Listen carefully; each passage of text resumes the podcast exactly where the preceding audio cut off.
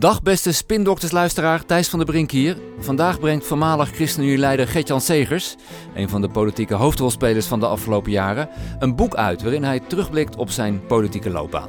Afgelopen week gaf hij mij een exclusief podcast-interview en dat kan jij nu beluisteren.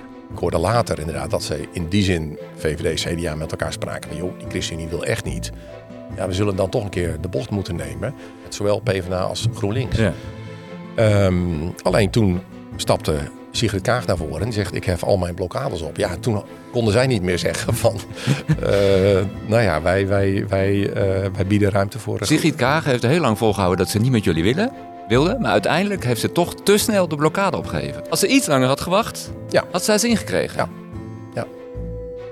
Ga even in deze podcast-app naar podcast Dit is de Dag en daar is het interview terug te vinden. Veel plezier!